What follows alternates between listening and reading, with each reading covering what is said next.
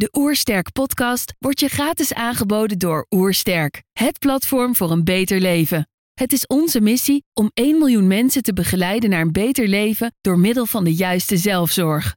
Wil je weten hoe jij kunt werken aan een beter leven? Ga dan naar www.oersterk.nu slash gezondheidscheck voor onze gratis gezondheidscheck en krijg direct jouw uitslag met persoonlijk advies. Mijn naam is Maurice de Hond en u luistert naar de Oersterk podcast.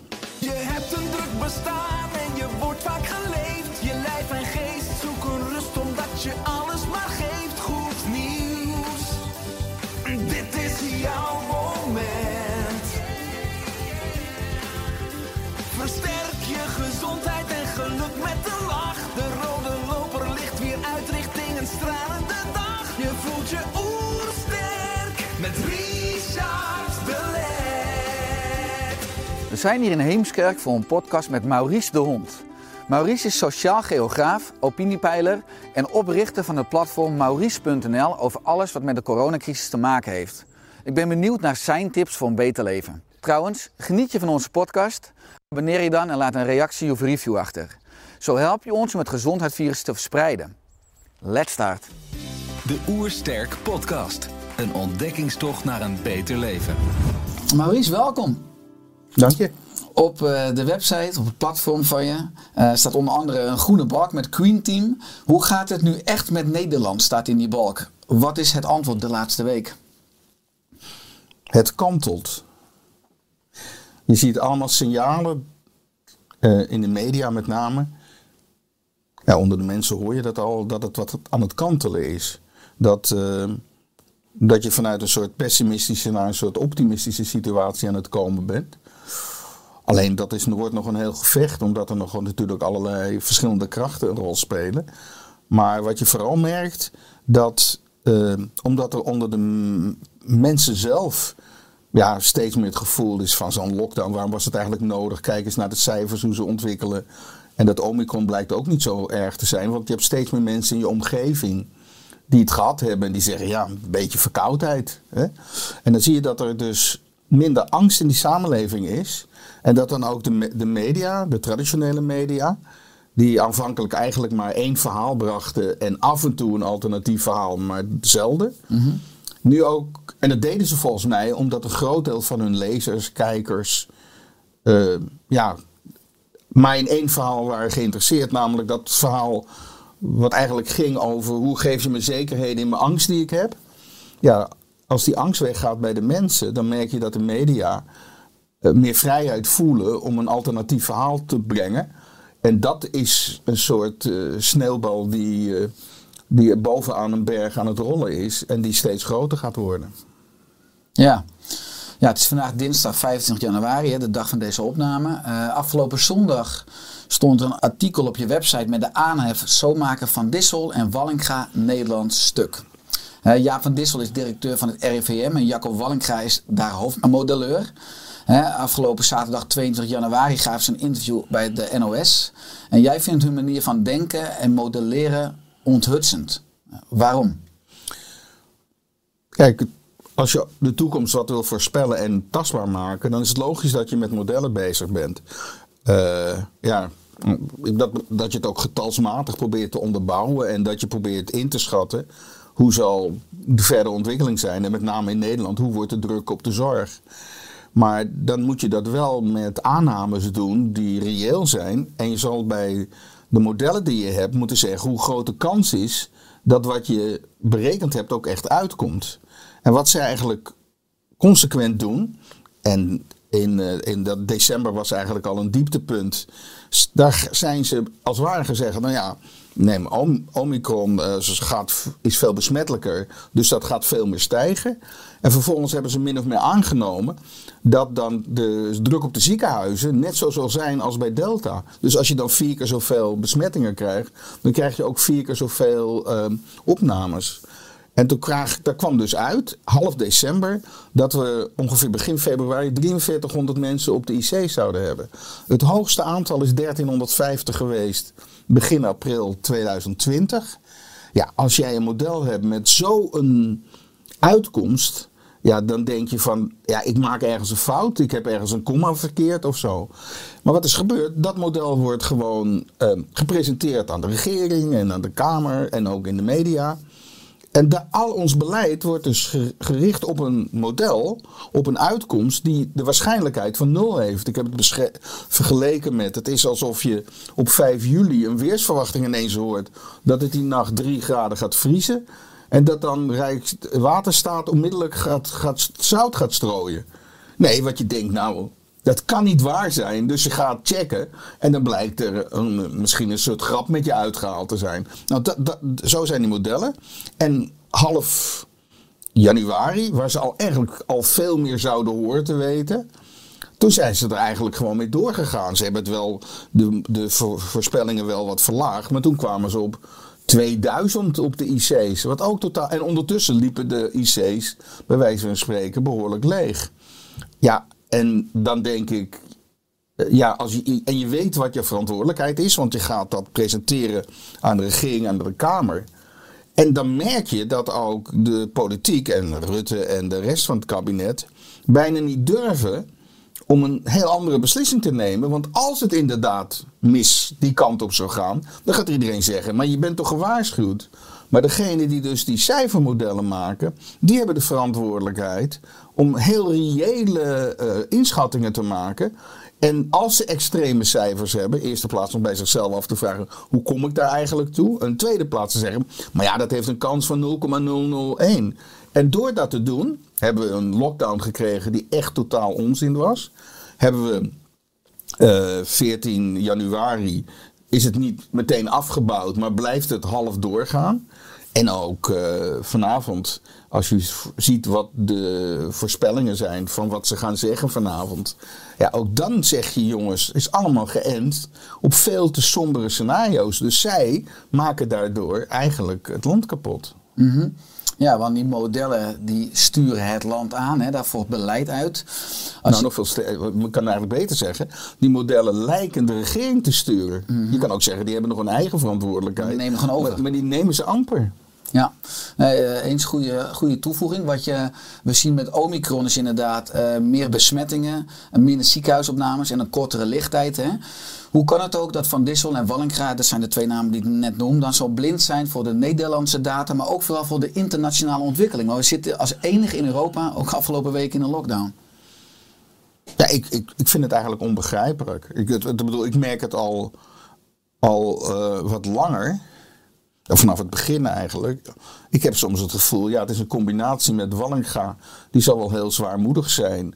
En Van Dissel is heel koppig. En dat is een fatale combinatie, want anders kan ik het gewoon niet begrijpen. Ik bedoel, toen zij half december met hun model kwamen, wist ik ook, en dat heb ik ook beschreven op basis van de cijfers uit Zuid-Afrika, uit de eerste indicaties in Londen, dat het heel anders was dan hun aannames waren. En mijn stelling was, juist omdat toen al de cijfers behoorlijk naar beneden gingen, je hebt twee, drie weken ruimte om nog te kijken welke kant het op gaat. En dan mocht het inderdaad de kant op gaan die jullie nu zeggen, dan heb je over twee weken nog de tijd om, om op te treden. Maar wat er dan al er wordt gezegd, ook in de krant nou better safe dan sorry. Maar dat safe betekent wel dat je tegelijkertijd ontzettend veel schade aanricht. Als het, laat ik zeggen, dat safe spelen geen enkele consequentie heeft, dan is het best een goed uitgangspunt.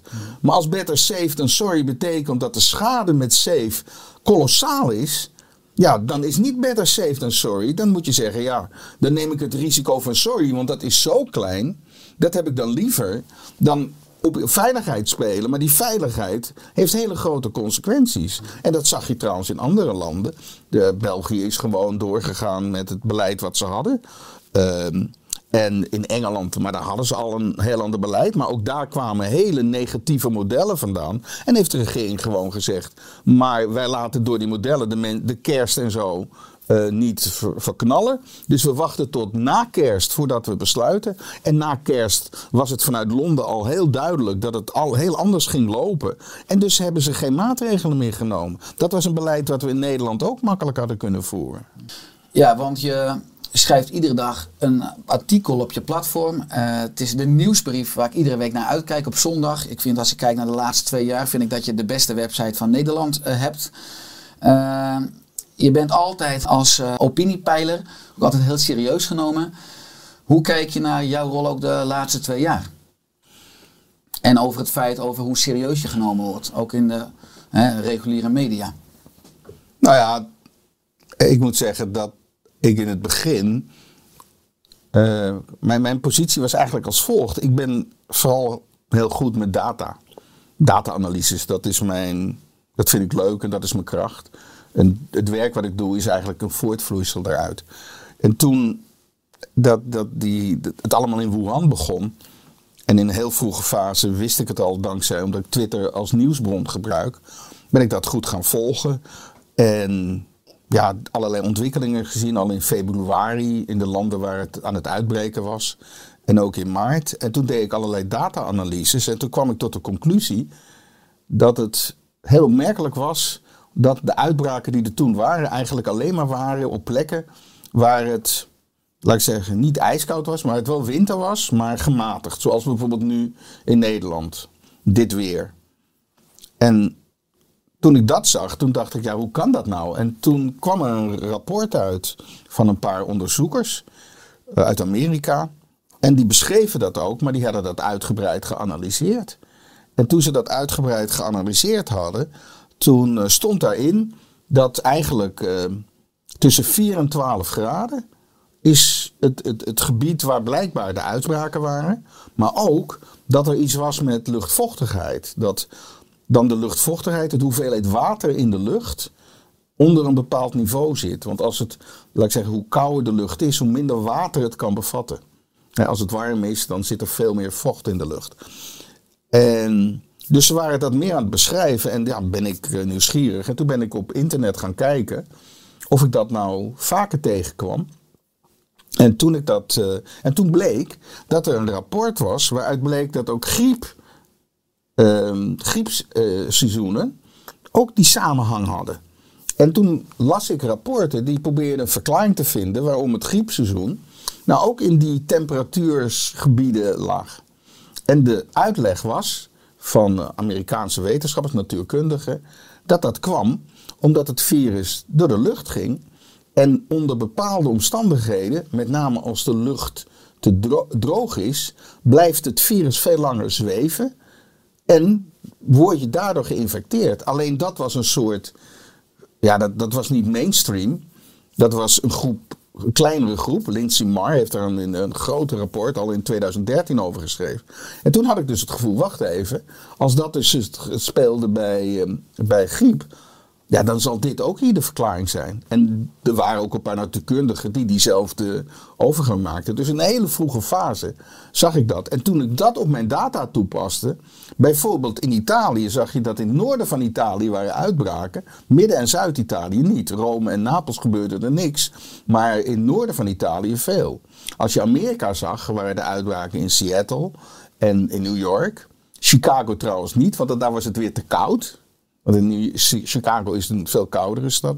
Dus je zag die patronen. En toen, dacht ik, ja, het gaat door de lucht. En toen kreeg ik een, al ook heel vroeg een, een, een video te zien uit Japan. Waar daar eh, ge- gesimuleerd werd wat er dan gebeurt als jij in een besloten ruimte met weinig ventilatie en ook in die verkeerde temperatuur, dus te droge lucht, daar bleef gewoon het zweven. Dat was aerosolen enzovoort. En toen dachten ja, dit is een totaal sluitende, terwijl ja, RVM, ook WHO riepen, ja, het gaat via grote druppels en via voorwerpen, je moet alles schoonmaken en, enzovoort. En ik zei, ja, nee, het gaat door de lucht. En, en toen kwam in eind maart 2020. Toen kwam daar een rapportage over een groot koor in de buurt van Seattle. Waar, die zich aan alle voorschriften had gehouden. En iedereen wat bijna was besmet geraakt. En dat was eh, dat zogenaamde superspread event. eh, de eerste die heel goed gedocumenteerd was. En dat was ook weer een bevestiging. Het moet door de lucht gaan. Dus wat ik onmiddellijk heb gedaan, omdat ik veel toegang heb tot media, omdat ik elke week mijn peilingen doe en ik heb altijd contacten met media, heb ik dus mijn rapportage van jongens, het gaat door de lucht en denk erom in zorginstellingen en zo. Als je dat niet, dat niet goed beschermt, want dat zijn de meest kwetsbaren. Als je dan niet daar beschermt dat het door de lucht gaat, dan gaat daar veel slachtoffers vallen. Want dat gebeurde overal in de wereld. Zorginstellingen, waar de meest kwetsbaren zitten, daar brak het uit en dan ging een derde dood van de mensen die het kregen. En toen dacht ik, nou, en toen merkte ik eigenlijk, ik stuurde het naar kranten. En in plaats van dat dat werd opgenomen en beschreven of als artikel, merkte ik dat ik een reactie kreeg. Nou, we hebben het ge- gecheckt met virologen of epidemiologen, maar die zeggen het is onzin. Dus ik kreeg eigenlijk amper ruimte. Totdat ergens half april bij op 1 uiteindelijk ik mocht komen. En later hoorde ik dat er ontzettend ruzie bijna was in de redactie om mij daar überhaupt te laten komen. Heb je het over april 2020? 2020. Ja. Maar ik mocht komen. En toen heb ik dit verhaal ongeveer verteld. Nou, als je nog terugleest wat de tv-critici, Angela de Jong, ook in de Volkskrant, ja, Angela de Jong schreef zoiets. En nou hè, krijg je ook nog een LOI-viroloog, eh, alleen maar omdat hij BN'er is. Ik heb later gezegd, god, dat was nog goede reclame voor het LOI eh, om het zo te doen. En ik dacht toen, nou ja, dit verhaal, ik, dit is toch wel vrij logisch. En ik zei, waarschuw, let op, ventilatie is ontzettend belangrijk. En ik dacht, nou ja, nu gaat dat wel mainstream worden, maar dat gebeurde helemaal niet. En ik had eigenlijk alleen maar alternatieve kanalen, Weltschmerz toen, eh, Flavio, uiteindelijk ook mijn eigen kanaal, om, om, om het verhaal te vertellen. Wat de- en op andere plekken kwam ik amper. Ik, af en toe mocht ik nog wel ergens verschijnen. Ik ben twee, drie keer bij eh, Op 1 destijds geweest. Maar ja, wat je ook merkte bij Op 1, en als je, dat zag je eigenlijk ook al in die krantenrecensies. En ook in kolo- kolommen van columnisten. Ja, als ik het later probeer te bedenken wat er eigenlijk was. Die mensen waren doodsbang geworden door Bergamo. Ik roep Bergamo-syndroom. Dus heel veel mensen, begrijpelijk hè, heel angstig. Die, ja, de, de, de virologen, epidemiologen, de Ab Oosterhuis van deze wereld. Die werden gezien als, die weten het precies. Dat zijn ons, is onze houvast. Dat zijn onze redders. En als daar iemand komt waarvan ze denken, ja wat is hij? Hij is alleen maar eh, opiniepeiler. Ja, hoe durft hij nou dat te zeggen? En als dan Ab, de Ab Oosterhuis en de anderen, alhoewel Ab Oosterhuis nog gematigd was trouwens, roepen, ja, maar dat is helemaal niet waar. WHO zegt ook grote druppels. Ja, dan is het meer een kwestie van weer een BN'er die denkt dat hij ergens verstand van heeft. En dat is er eigenlijk gebeurd. Terwijl ik heb er- ergens in juni, juli vo- eh, 2020 opgeschreven welke zes, zeven dingen ik al geschreven had in april en mei. Namelijk buiten raak je niet besmet, voorwerpen gaat het niet om, het gaat door de lucht en nog een paar andere dingen. Ja, ondertussen was het bijna allemaal waarheid geworden. Terwijl ik ja, niet via voorwerpen. Aanvankelijk dacht ik ook voorwerpen en ik was ook voorzichtig, maar ergens in de loop van april 2020 was het al duidelijk: het gaat niet via voorwerpen. Dat is. Want waarom kwam dat? Nou, ik kwam onderzoek tegen waar bleek dat bij mensen thuis 20, 25 procent elkaar besmetten. Ja, als het via voorwerpen gaat en je bent in huis met iemand die, die ziek is, dan via de deurkruk of het toilet of wat dan ook, dan besmet je elkaar. Dat gebeurt, gebeurde niet. Dan had het 80 procent moeten zijn. Dus het, klopt helemaal niet vanuit data-analyses. Ik had ook geen enkele pretentie dat ik een viroloog of epidemioloog. Maar wat ik wel zag, als ik dan die studies bekeek, van hè, medische studies waar ik nooit in keek. Maar dan merkte ik, ja, het onderwerp, dat was niet mijn kwa- eh, bekennis, maar alles bijna was statistiek. Alles was, nou, het onderzoek gedaan en dit en dat. Nou, dat kan ik perfect lezen. En dan zie ik heus wel wanneer het een goed onderzoek is of niet. Los even van het inhoudelijke. Dus ik, ik heb inmiddels een eh, bestand geloof van 1500 onderzoeken. Ik heb ze niet allemaal gelezen, maar ik heb ze altijd gearchiveerd en kan er altijd bij komen. Ja, en zo bouw je een hele hoeveelheid kennis op, waarbij eigenlijk het achteraf gezien een voordeel is dat je van buitenaf komt met wel een bepaalde deskundigheid, in plaats van binnen met een soort, ja, hele eh, begrijpelijk hoor. Als je, als je 30, 40 jaar geleerd hebt dat dat virus altijd eh, via grote druppels gaat, is het heel moeilijk om ineens te denken van... Jeetje, het zou toch best anders kunnen zijn. Weet je? Net zoals de aarde draait eh, om de zon, of de eerste zon draait om de aarde. Nou, de, toen gezegd het is andersom. Dat heeft een tijd geduurd voordat het geaccepteerd werd. Die, die paradigma shift. Ja, want je beschrijft het heel analytisch. Maar wat je zegt, hè, op 2 april 2020 schreef je een artikel met de titel Eureka. Dit zijn de verspreidingsversnellers. de aerosols. Nou, dus uh, 2 april 2020. Uh, je benoemde het belang van ventilatie, onder andere in zorginstellingen. Nou, je bent eigenlijk ruim een jaar genegeerd, waardoor ook in zorginstellingen eigenlijk extra veel mensen uh, ziek geworden zijn, overleden zijn. Uh, pas veel later, recent, kwam er op de persconferentie ook een symbooltje met ventilatie. Mei, mei 2021 voor het eerst. Ja, dus dan zijn we ruim een jaar verder. Werd je af en toe gek? Of uh, had je af en toe het gevoel dat je met je hoofd tegen de muur kon beuken? Hè? Omdat je, ik moet zelf een parallel maken. Toen op mijn middelbare school, 5 VWO, heb ik een werkstuk gemaakt over Ignaz Semmelweis. Hongaarse arts. Ja. En ontdekken van de oplossing van kraamvrouwenkoorts. Er stierven enorm veel vrouwen in het kraambed. men dacht toen dat het te maken had met miasma's, met dingetjes in de lucht. Uh, met de seizoenen ook. En hij ontdekte dat als artsen hun handen wasten in bleekwater, want bacteriën kon je nog niet zien, dat dan de sterfte terugliep van zo'n 10% naar gemiddeld 1%. Dus hij had de oplossing gevonden, maar hij werd niet begrepen door het, het, het heersende beeld in de geneeskunde. Hij werd verstoten, hij werd ontslagen. Iedere dag stierven er enorm veel vrouwen in het kraambed, ook artsen. En hij werd letterlijk gek. Hij belandde in de psychiatrie. Uh, hij is uiteindelijk overleden, uh, wat men zegt, aan de aandoening. Hij schijnt een keer ontsnapt te zijn. En toen op de snijzaal heb je zichzelf gesneden met een scalpel. En is hij overleden aan kraamvrouwenkoorts. Andere verklaringen zeggen trouwens dat hij later nog een keer gaan opgraven in zijn graf. Dat hij enorm veel botbreuken had. Dus dat hij waarschijnlijk zo mishandeld is. Nou, fijn door de belangen. Maar hij, zijn, zijn uh, eigenlijk zijn oplossing en zijn uh, paradigma verandering op het feit dat je bacteriën niet kon waarnemen, maar dat je blijkbaar wel iets kon doden met bleekwater, wat leidde dat die vrouwen bleven leven, werd niet erkend. En iedere dag ons uh, stierven dus onnodig heel veel vrouwen. Hij kon daar niet mentaal mee omgaan. Hij werd letterlijk gek. Ja. Nou, als je kijkt naar dat jaar waar jij al op basis van je data-analyses die inzicht hebt op ventilatie, ook ziet dat we er niets mee doen, wat leidt tot onschuldig aantal besmettingen, maar ook doden.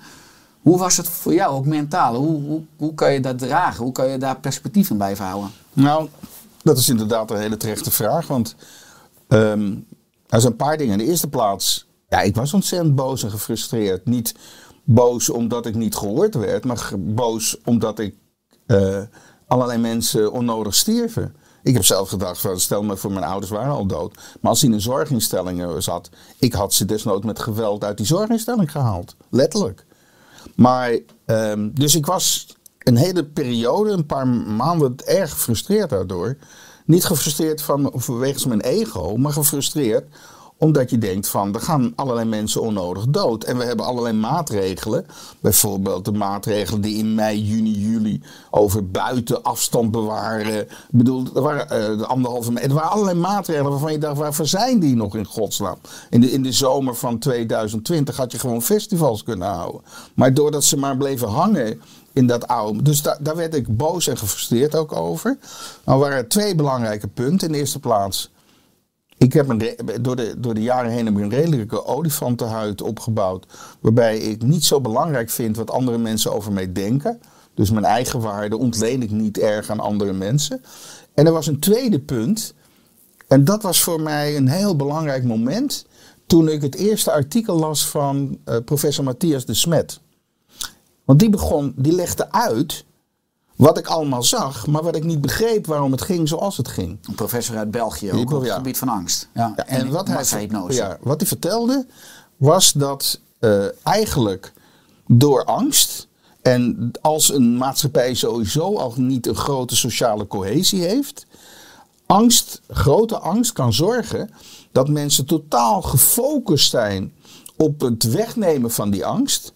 En dat lijkt eigenlijk op hypnose. Bij hypnose word je onder hypnose gebracht.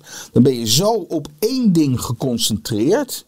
Dat al het andere valt weg. Dus dan kan je, bij hypnose, dan uh, eet je een citroen en denk je dat het zoet is.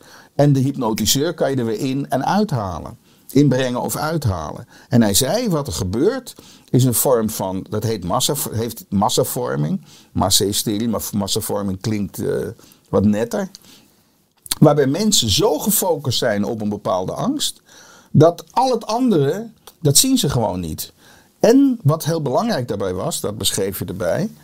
Bij hypnose is er nog een hypnotiseur die jou in de hypnose brengt en eruit haalt.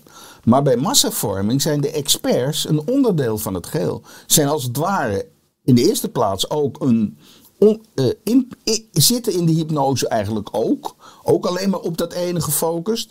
En zelfs als zij op een gegeven moment het gevoel hebben. het zit anders in elkaar. zijn ze door de situatie waar ze met elkaar ingekomen zijn. hebben ze eigenlijk ook niet meer de mentale vrijheid. om te denken: wacht even, wat we gezegd hebben. dat zit anders. Nee, zij moeten als het ware doorgaan om die hypnose in stand te houden. Want, zei hij, als op een gegeven moment zo'n bevolking gaat ontwaken, dan zal hun woede zich richten op degene die ze als het ware in die hypnose hebben gehouden. En, en het, het belangrijke vond ik van dat verhaal, dat ik toen alles begreep wat er gebeurde. En ook kon accepteren waarom mensen eh, reageerden zoals ze reageerden. Omdat ze in, de, die, die, eh, in die hypnose zaten. En daar, daar kan, ik kan niet boos zijn op mensen die... Het enige wat ik dacht was, nou mijn rol is om zoveel mogelijk objectieve informatie, of althans eh, net objectief in de zin van ja, welke informatie is objectief, maar mijn gezichtspunten maar zo goed mogelijk onderbouwd te, te geven, zodat mensen die daar behoefte aan hadden, dat gingen lezen en misschien gingen delen met mensen in hun omgeving om te zorgen dat op die manier wat meer mensen langzamerhand daaruit konden gaan ontwaken. Dus dat heeft mij, dat stuk van Matthias de Smet, heeft mij geestelijk uh, weer gezonder gemaakt. Mm -hmm. En vanaf dat moment zie ik al die processen meer rationeel dan dat ik er emotioneel in zit. Ja, want ik had afgelopen week kondig aan uh, op mijn social media dat je zou komen in onze podcast. Uh, op Instagram kreeg ik enorm veel reacties van mensen die zeiden van vraag hem hoe hij zo strijdbaar blijft. Dus heeft dit je ook geholpen om te blijven strijden? Want je kan ook gewoon erkennen als mensen met z'n allen in een hypnose zitten, dan krijg je toch niet uit. Hè? Of je nou hoog springt, laag springt, of je nou met tegenargumenten komt, omdat mensen in die tunnelvisie nee, zitten. Nee, nee. nee, maar het is anders. Mijn, mijn, waardoor ik door kan gaan, is niet omdat ik denk dat ik al die mensen kan overtuigen. Wat ik, ik ga door, omdat er, ik zoveel reacties krijg van mensen zeggen dat voor die mensen het belangrijk is om zelf uh, geestelijk gezond te blijven. Ik, ik heb nog nooit in mijn leven zoveel positieve reacties gekregen als de laatste ja, uh, 20, 22 maanden. Ik heb bijna dagelijks mails waar ik tranen van in mijn ogen heb. En ik, ja, ik heb nooit in mijn leven blijkbaar ben ik zo belangrijk geweest voor relatief zoveel mensen. Nou ja, dan mijn strijdbaarheid zit meer in ja, dat die mensen, ja, ik bedoel, interessant, gisteren was ik bij de kapper. En de kapper zei, ja, mijn dochter komt even, die heeft een vraag voor je. Nou oké. Dus ik word geknipt en daarnaast zit zijn dochter. En die zei, ja, ik hoorde van mijn vader dat je was. En ik wilde je al lang een mail sturen om je te bedanken, maar ik wil het liever zo zeggen. En ik kreeg gewoon, ja, tien minuten lang gewoon het verhaal van dat, dat ze alleen maar geestelijk gezond was gebleven die hele periode. Door, door helemaal elke dag de, de website, elk stuk te lezen, drie keer te lezen. En, en, zei dat, maar, en, en zulke reacties krijg ik vaak. Dus wat, ik, het is niet zo dat ik denk met, met mijn stukken overtuig ik ontzettend veel mensen nog. Maar de groep die het belangrijk vindt, die, uh, daar ben ik dus belangrijk bij. Plus dat als het gaat kantelen, en we zitten nu in die fase, zodat er ook meer mensen ruimte krijgen om misschien het andere verhaal te horen. En dat is niet omdat ze naar van mij horen, maar als ze in hun familiekring, kennissenkring iemand hebben die in dat, in dat verhaal zitten wat ik ook doe, dan heeft die misschien meer nu het moment, terwijl die ook ontzettend veel gestreden hebben en gefrustreerd zijn omdat in hun omgeving ook bijna niemand hen volgde. Maar nu begint er ruimte te komen om dat andere verhaal neer te zetten. Ja, enorm waardevol wat je zegt. Dat, je krijgt enorm veel mails en brieven. Uh, heel veel mensen zijn op zoek naar een stukje wijsheid in alle informatie en kennis. Uh, je benoemt al het belang van ventilatie. En nou, jij hebt daar een, eigenlijk een ander perspectief op dan dat we krijgen van de officiële instanties.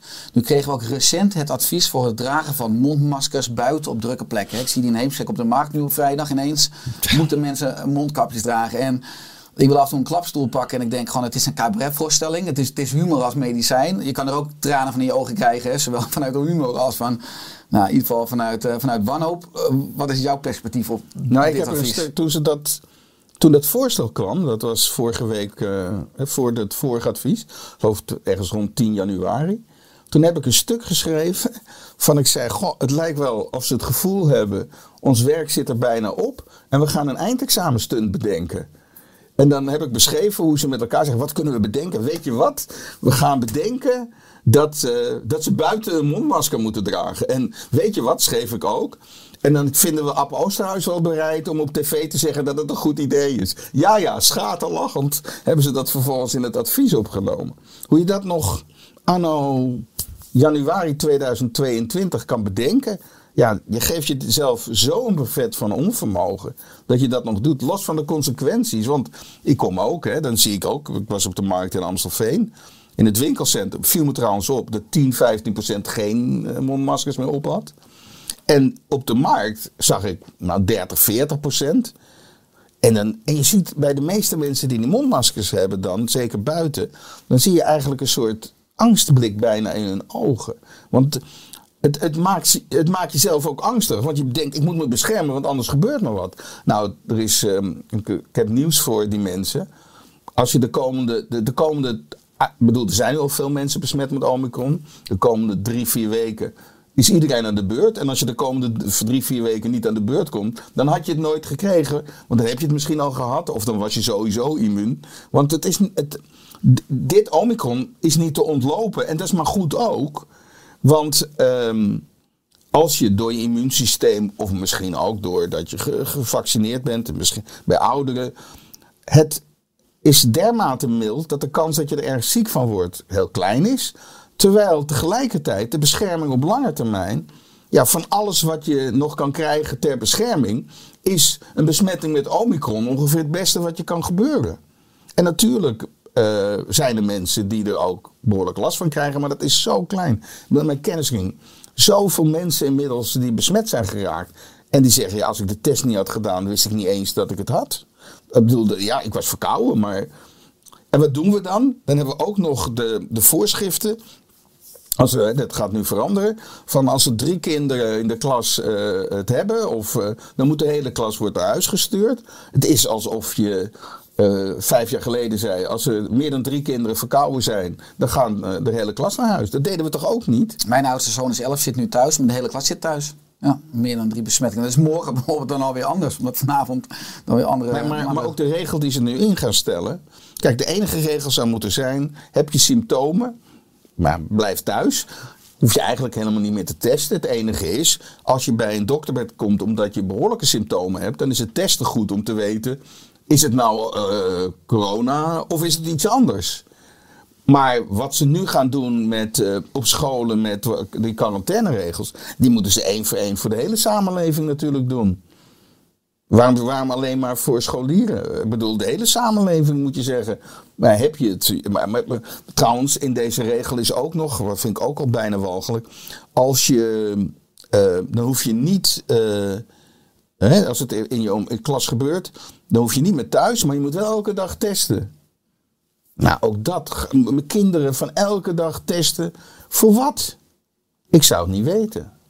Hm, als je het hebt over nou, uh, iedere dag testen bij uh, kinderen, hè, wat eigenlijk nou, niet alleen misschien virologisch onjuist, maar ook als je het hebt over de psychosociale ontwikkeling op kinderen en emotioneel mentaal, maar ook als je het hebt dus over mondmaskers nu in drukke straten. Je zou zeggen, dan is er ook een stukje bij de media qua onderzoeksjournalistiek om dat ook aan de kaart te stellen. Je benoemde net eerder dat de media inspeelt van als er angst speelt onder de bevolking, dan gaan we daarop inspelen. Maar dat is veel eerder reactief. Moet ze ook niet een proactievere rol nemen op zoek naar de waarheid en dat gewoon ook, ook ventileren. Want ik mis de laatste twee jaar. Ik heb zelf ook geabonneerd op de Volkskrant, op, op NRC. Maar ik mis zelfs in die kranten de onderzoeksjournalistiek. Maar zelfs? Ja, nou ja, maar je moet echt goed zoeken in de niches. En, ja, maar, maar, maar, maar, wat, maar wat er aan de hand is, is dat wat ik net vertelde was, het overgrote deel van die lezers willen geen alternatief verhaal. Omdat ze zo bang zijn geweest, of nog steeds voor een deel. En die willen niet een verhaal hebben van, jongens, wat jullie denken, het ziet toch wat anders. Mhm. Maar als je goed kijkt, de laatste week, anderhalve week, begint het duidelijk te kantelen. En in zoverre, en het is verschrikkelijk geweest dat ze de lockdown hebben gedaan, maar het enige goede aan die lockdown is geweest dat veel meer mensen aan het ontwaken zijn. Dat wat we gedaan hebben aan het doen zijn, ja, eigenlijk niet eh, goed klopt. Als ze vanavond gaan zeggen eh, ehm, tot tien uur. Ja, waarom niet tot half elf of elf uur? La- Maak met sommetjes. Dus ook daar weer zie je dat het bijna voorkomen willekeur is. En hoe meer mensen eh, gaan twijfelen of onzeker worden of niet meer bang zijn, hoe meer je zult merken dat de traditionele media de rol gaan spelen die ze voor 2020 altijd speelden. Waar ze juist superkritisch waren. Ik bedoel, of het nou politici of bij mij was. Ik ben ook al een paar keer aangepakt door de media. Maar het was altijd drie keer harder dan je eigenlijk vond dat het verdiende. Maar alleen bij eh, corona gebeurt het niet. En als je dan, hè, of het nou Van Dissel is, of Marjan Koopmans, of al die mensen, Mark Bonte. Ja, dat, dat zijn een soort eh, helden. Ik heb wel eens gezegd, eh, ik had een keer Maarten Keulemans interviewde Van van, ja, van, Di- van, van Dissel. Toen zei ik nou, Erika Terpstra is kritischer als ze de Dalai Lama interviewt. Ja, Eh, het mooie is dat ik eh, al mijn boeken afsluit met liefde overwint altijd. Hè, ook als je het hebt dan over de waarheid. Eh, op 12 januari dit jaar verscheen een artikel hè, op jullie platform met de ANF. De waarheid komt altijd aan het licht. Het was een brief van een Israëlische professor. Maar ook symbolisch vind ik voor de zoektocht op jullie platform. Hoe kijk jij naar de waarheid in het veld van politieke, farmaceutische en commerciële belangen? In hoeverre is daar dus ruimte voor de waarheid, het juiste, volledige perspectief? Nou ja, de, waarheid is natuurlijk ook wel een moeilijk begrip. eh, want er zijn vele waarheden vaak. Wat ik probeer te doen, is de verschillende kanten daarvan te laten zien. Ik probeer niet te veel mee te gaan in. in ja, niet zozeer de complotten, want nogal wat van die complotten lijken wel waar te zijn. Maar A, soms zijn het complotten waar ik te weinig van weet. En waar ik wel het gevoel heb, die zouden best wel eens gelijk kunnen hebben. Maar daar kan ik geen meerwaarde aan leveren door het te beschrijven. Want ik vind wel dat ik het sterk zelf moet kunnen, kunnen onderbouwen. Ehm, maar ik probeer dus, als ik zoiets las als die professor uit Israël, dat was best een hotenbetoog daar. En die eigenlijk een, een brief schreef naar de regering over hun aanpak. Waar zoveel herkend werd wat ook hier was. Ja, dan, dan vind ik het belangrijk genoeg om dat ook te plaatsen. Maar ik probeer wel me te beperken tot, tot die dingen die ik waar. Ik bedoel, ja, of, of, het, of hoe het nou precies in Wuhan is gegaan. Ja, daar kan ik allerlei dingen over denken. Maar A, vind ik het voor vandaag niet relevant. Je bedoelt of het virus eventueel in een lab gemaakt is en ja. Of via, via zoonosen of via dieren. Ja. Of, of Nou, aan de ene kant vind ik het voor de problematiek waar we nu voor staan niet relevant. En in de tweede plaats wat ik ook wil voorkomen is dat als ik dan die kant op ga, dat ik dan meer mensen in, eh, in staat ga stellen om te zeggen, ja die de hond, dan moet je helemaal niet meer gaan, gaan geloven. Want die gaat, framing, ja. ja, ze, ze zijn me toch al aan het framen. Maar ik wil ze ook niet te veel ehm, materiaal geven op punten die ik, waar ik zelf niet heel hard over ben. Waar ik denk, nou, dit kan best wel waar zijn. Nou, dan schrijf ik erover. Nee, want dan maak ik de rest van wat ik op mijn platform zet ongeloofwaardiger. Ja, dat is een hele... Nou, niet misschien ongeloofwaardiger, maar meer open voor het maar links of rechts. Dat probeer ze toch. Ik probeer ze me toch als een wappie neer te zetten. En op allerlei manieren te negeren. Want iemand zei me in het eh, vrij snel het begin dat het echte proces was. ehm, eerst negeren ze je, dan ridiculiseren ze je. En dan zeggen ze dat ze het altijd al wisten. Nou, dat zijn ongeveer de fasen. En bij ridiculiseren hebben ze bij mij ook proberen zoveel mogelijk me negatief te framen. Van NRC, dat ik ook eh, financiële belangen had bij ventilatie en zo. En dat was ook tegelijkertijd het tv-programma Propaganda van een jaar geleden. Met op dezelfde manier. Maar eh, ja, en dan merk je ja, dat, het gebrek aan kwaliteit. Dus en dan, dat ben ik ook niet, daar maak ik me niet zo verschrikkelijk boos om. Omdat ik het eigenlijk zielig vind. Hè, dat blijkbaar journalisten ja, zo armetierig zijn dat ze dat soort artikeltjes schrijven. Ja, het is misschien ook eh, een compliment hè, als je het, eh, als je het reframet. Eh, als je kijkt naar jouw levenspad. In 1971 ben je als sociaal geograaf afgestudeerd bij de UvA in Amsterdam. Daarna heb je vele functies bekleed, zowel in Nederland als in Amerika. En sinds 2002 run je Pijl.nl, een eh, opiniepanel waarmee actuele ontwikkelingen in de Nederlandse samenleving op de voet gevolgd kunnen worden. Blijf je dit voorlopig doen, ook na de, na de coronacrisis? Want ik kan me voor- voorstellen dat de afgelopen twee jaar ook enorm intens zijn geweest. En dat, je zegt, nou ik ga weer eventjes eh, een jaartje bijkomen of neem een sabbatical. Nou ja, het is een beetje raar als ik op 74-jarige leeftijd nog een sabbatical neem. Maar je bent in je tweede de jeugd bezig nu dus. Nee, maar ik, ik merk gewoon dat de dingen die ik doe, geven me juist energie. En blijf ik fit door, zowel geestelijk als lichaam. Nou, lichaam misschien niet helemaal, maar in ieder geval geestelijk. En eh, dat pijl.nl, eh, ik, ik had rond 2000 had ik New Economy. Eh, dat was een investeringsbedrijf voor internetbedrijven. En toen, dat, toen er een dip was bij het internetbedrijf, eh, ja, moest ik daar weg. Later is het allemaal, die, die hele branche is wel naar boven gekomen. Maar dat bedrijf is toen eh, niet goed gegaan. Toen heb ik een sabbatical genomen van een jaar. En dat was in de tijd dat steeds meer internet opkwam. Daar had ik ook een boek over geschreven in 1995, dankzij de snelheid van het licht. En toen ik terugkwam vanuit die sabbatical, zei ik, nou ja, ik vond opiniepeilingen en met name rondom politiek vond ik altijd leuk om te doen. Alleen dacht ik, dat ga ik dan practice what you preach. Ik ga het helemaal via internet doen. Ik ga niet weer een nieuw bedrijf opzetten met allemaal mensen en eh, enquêteurs. Ik ga met de technologie die beschikbaar is. Ik had een bedrijf waar ik veel samen mee werkte, No Ties in Monnikendam. Die had een technologie eh, waarbij je gewoon heel makkelijk online enquêtes kon uitvoeren. En dus ik ben gestart. Toen was het met het programma van SBS, Stem van Nederland. En daarna ben ik het zelf doorgegaan. Waarbij ja, tienduizenden mensen zich opgeven om eh, mee te doen. En waar je dus elk weekend meestal vragen stelt. Dan kan zien wat de stand van zaken is met partijen, maar ook de actuele onderwerpen. Maar iedere zondag gaat er een nieuwsbrief uit naar media en politiek Ja. met weer. Ja. En dat run ik dus ook in mijn eentje. Eh, want dat, in mijn eentje in de zin van ik doe de vragenlijst, eh, de vragenlijst maak ik en de analyse doe ik en het rapportje. En de technologie wordt door dat bedrijf gedaan die dat. eh, en er zijn bedrijven die mij. en het, het, de financiële basis is dat er bedrijven zijn die soms vragen willen toevoegen, of pa- partijen, om, die dan meelopen in het onderzoek en daarmee gewoon geld voor betalen. Maar in feite, dat doe ik dus echt in mijn eentje, los van de technologie. Dus ik dacht, practice what you preach. En dat doe ik letterlijk dus al vanaf ja, september 2002. En dat ben ik continu blijven doen. Dus ook naast de, de, de website is dat wat ik doe. ja, als je... En dat wil ik blijven doen Ja, eigenlijk. dat blijf je doen, ja. Maar ik hoop wel dat dat wat ik nu met Maurice.nl doe rondom corona, dat dat wel vrij snel afgebouwd kan worden. Niet zozeer omdat ik het niet leuk meer vind of niet meer eh, mijn energie uithaal, maar om, ja, het is veel fijner als het niet meer nodig zou zijn. Ja, als we dan daarna kijken nu naar eh, Maurice.nl. eh, stel er komt straks weer een gevaarlijke variant van het coronavirus. Of er komt een compleet nieuw virus over één of twee jaar. Zijn we dan beter voorbereid? Hebben we bepaalde lessen geleerd uit deze crisis? Ik hoop het, maar ik ben bang voor niet. In mijn optiek, als we daarop in gaan zoomen, hè, we hebben nu een zorgorganisatieprobleem. Als je kijkt naar marktwerking, maar ook saneringen, wat we hebben gehad afgelopen jaar op IC-bedden en personeel in de, in de zorg.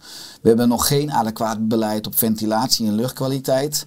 In mijn optiek ook niet op mijn gebied, op het gebied van eh, eh, preventie en gezonde leefstijl. Nou, ik gaf je net aan hiervoor eh, het gesprek dat het aantal chronisch zieken neemt steeds verder toe, net als de zorgkosten. Dus er is een grote kans dat de, zorg, dat de druk op de zorg de komende jaren alleen maar groter zal worden. Waardoor er mogelijk ook sneller beperkende maatregelen of lockdowns nodig zijn. En we hebben ook alle twee jonge kinderen. Hoe kijk je ook vanuit dat perspectief naar de wereld ook die we aan onze kinderen doorgeven? Nou, dat, dat, heel zorgelijk vind ik het. Even los van de crisis die we nu mee hebben gemaakt, ehm, of meemaken, ehm, merk je gewoon dat er, dat er veel te weinig fundamenteel wordt nagedacht. Voor allerlei ontwikkelingen in die samenleving. Men leeft erg bij de dag. Eh, bijvoorbeeld ja, het feit dat er steeds meer mensen oud worden. Dat er ook steeds meer mensen in belangrijke functies gepensioneerd raken. En dus een leeglopen is op belangrijke functies. Eh, inderdaad, de zorg, de zorgkosten. Ehm, ja, je merkt dat er heel weinig lange termijn fundamenteel wordt gedacht. En dat in die politiek er veel te korte termijn denken is. Als ik het iets breder trek vanuit misschien mijn aanvliegroute. Ja, ik heb ook al in 1995 gezegd, en dat zie ik steeds meer. dat de grote revolutie natuurlijk internet is geweest. Met gigantische consequenties in de samenleving. Waarbij je merkt dat allerlei instituties in zo'n samenleving ehm, eigenlijk in slow motion hun belang verliezen. Maar de mensen die belangen hebben in die instituties, dat krampachtig eh, vast blijven houden. En ook in de geschiedenis zag je bij de industriële revolutie uh, bijvoorbeeld, of met name dan, of met landbouwrevolutie, dat de hele samenleving fundamenteel moet veranderen om zich daaraan aan te passen. En dat, uh, ja, dat spanningsveld, dat is nu eigenlijk versneld door de crisis waar we nu in, in, in ingekomen zijn. De vraag is alleen, en als je dan naar de historie kijkt, ik denk dat we een behoorlijke tijd met chaos krijgen voordat weer, uh, laat ik zeggen, evenwichten worden uitgekristalliseerd en we inderdaad veel meer de fundamentele problemen uh, gaan aanpakken. En wat zou jij doen als jij minister van Duurzaam Herstel zou worden? En je mag alles doorvoeren, geld is ook geen probleem. Ik zou een team van mensen uit de samenleving pakken die heel dicht staan bij waar het fundament van het probleem zit. Dus niet hoog uit de organisatie, maar wat lager uit de organisatie. En die zou ik met elkaar uh, um, de aanpak proberen te laten formuleren. Hoe je vooral dicht bij de werkvloer dingen oplost. Want ik denk dat eigenlijk de echte wijsheid zit op de werkvloer, zit in de samenleving. We hebben allerlei dingen top-down georganiseerd. Het mooie met de technologie is, als we die goed inzetten, kunnen we iets wat verticaal is georganiseerd veel beter horizontaal organiseren. En als ik ergens de leiding over zou hebben, het laatste wat ik zou denken is, ik kan top-down iets doen. Ik moet de structuur maken, zodat van onderen uh, de, de, de, de goede dingen komen. En die moet, daar moet je ruimte voor geven. En veel minder al die bureaucratie top-down zeggen van ik, en dit is de aanpak en dit is de oplossing. En ook veel meer ruimte geven om op verschillende plekken mensen met hun eigen oplossingen te komen. Waar moeten we één regeling of één oplossing hebben um, die voor, voor iedereen zou moeten gelden? Is dat parallel naast het OMT of in plaats van het Oh, heb je het nu over OMT? Bijvoorbeeld, als we daarop ingaan. Je ziet dat het OMT nu voor de laatste twee jaar een enorme invloed heeft op uh, Nee, je moet, het zou sowieso niet... Ik vind een OMT ook al een gedrocht. En zeker dat het een gedrocht is met, uh, met zo'n eenzijdige samenstelling. Maar zelfs dan vind ik de eindverantwoordelijkheid hoort bij de politiek te zijn. En een van de belangrijkste dingen, ik ben in augustus gevraagd, maar, maar meer mensen om. er was een soort lessons learned van het begin van het ministerie van VWS. En ik mocht ook meedoen. Nou, mijn belangrijkste advies was: als je lid bent van het OMT, mag je niet in de media. Dan geef je ons advies. Maar je gaat niet via de band jouw advies met de bevolking delen. Om mij dan vervolgens onder druk te zetten om die beslissing te nemen. En als je graag in de media wil komen, dan kom je niet in het OMT.